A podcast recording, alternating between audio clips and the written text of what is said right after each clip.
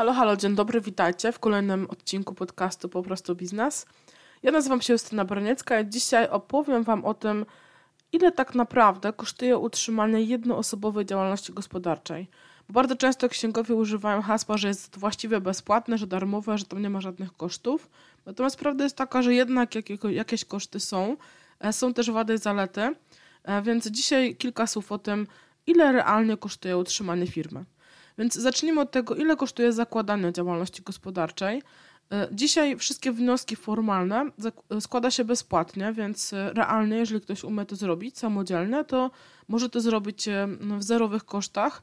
Oczywiście zawsze trzeba liczyć koszt swojego czasu. Możecie działalność założyć przez stronę internetową CEIDG, czyli Centralna Ewidencja Działalności Gospodarczych, lub też wybrać się do urzędu są to albo urzędy miasta, albo urzędy powiatu czy gminy, w zależności od tego, gdzie mieszkacie. No i tam wypełnić druki papierowe i złożyć je do odpowiedniego urzędnika, okienka i on jakby za Was wykona czynności rejestracyjne. Natomiast tak, to zrobicie, trzeba zgłosić się do ZUS-u, później w ZUS-ie również wypełnić odpowiednie druki, e, no i macie założoną działalność gospodarczą i dzieje się to bezpłatnie. E, wszystkie zmiany, które chcielibyście zgłaszać, typu zmiany PKD, adresu, nazwy, to wszystko też odbywa się bezpłatnie, więc nie trzeba e, tutaj ponosić żadnych kosztów. Natomiast w momencie, kiedy już tą działalność macie, to pojawia się tak zwany obowiązkowy koszt opłaty do ZUS-u, który bez względu na to, ile zarabiacie, trzeba będzie zapłacić. E, dzisiaj generalnie zasada jest taka, że przez pierwsze 6 miesięcy korzystacie z takiej ulgi, w której płacicie tylko składkę zdrowotną. Potem przez kolejne 24 miesiące korzystacie już właściwie za chwilę z ZUS, bo E, bo za, od 1 lutego wchodzi nowa ustawa, więc będzie można korzystać z tego zwanego małego ZUS-u dotychczasowego. No i po dwóch i pół roku wchodzicie na duży ZUS. E, dzisiaj duży ZUS e, wynosi około na 1500 zł, więc tego typu, tak, tego typu kosztami trzeba się liczyć. Poza ZUS-em mamy oczywiście obowiązkowe opłaty podatkowe, no i one będą wprost wynikały z tego, jak chcieliście się rozliczać e, podczas zakładania e, działalności gospodarczej. To może być karta podatkowa, to być może jest ryczałt, e, to być może jest podatek według progów, czyli 17,32%, a być może jest to podatek liniowy, czyli bez względu na dochód płacicie 19%, więc to wy wiecie, ile podatku zapłacicie. To, co jest ważne, to ryczałt i karta podatkowa są właściwie stałą kwotą, bo tam płacicie, w karcie podatkowej płacicie stałą kwotę, w przypadku ryczałtu płacicie e, odpowiedni procent od przychodu. E, na przykład stolarze płacą 3%, ale programiści 17%, więc e, w zależności od zawodu ten procent będzie różny. No i w przypadku progów podatkowych czy podatku liniowego oblicza się przychód minus koszt, to jest dochód i to jest podstawa do obliczenia podatku. Kolejna sprawa to jest utrzymanie księgowości.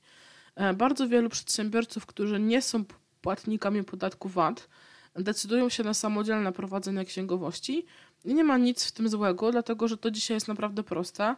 Wiele z nich korzysta z portali internetowych, gdzie wykupują konto za 100 za 200 zł na cały rok, wklepują tam fakturę e, i to właściwie wszystko robi za Was. E, jest to e, oczywiście w jakimś tam stopniu, można powiedzieć, niebezpieczne, natomiast jeżeli nie jesteście płatnikami podatku VAT, to, to nie powinno być e, jakieś problematyczne. Kolejna sprawa to mm, moment, kiedy chcielibyście zdecydować się na biuro rachunkowe. Da się znaleźć biura nadal, które księgują działalności gospodarcze za 100-150 zł. Natomiast dzisiaj standardem jest raczej 200-250 w przypadku tych małych firemek. Jeżeli macie tych dokumentów trochę więcej, pracowników, e, to musicie liczyć się ze zdecydowanie wyższym kosztem. E, no i potem mamy koszty działalności gospodarczej.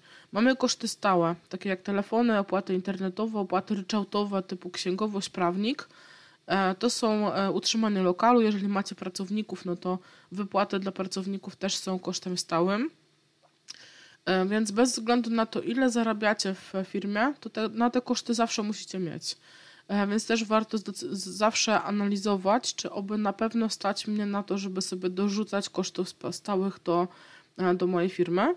No i koszty zmienne. Koszty zmienne są uzależnione od tego, co robicie w firmie. To są koszty na przykład reklama na Facebooku, e, koszty jakichś drobnych zakupów, które robicie od czasu do czasu, więc robicie je wtedy, kiedy macie na nie pieniądze. No i bardzo często przy działalnościach gospodarczych pytacie mnie o optymalizację.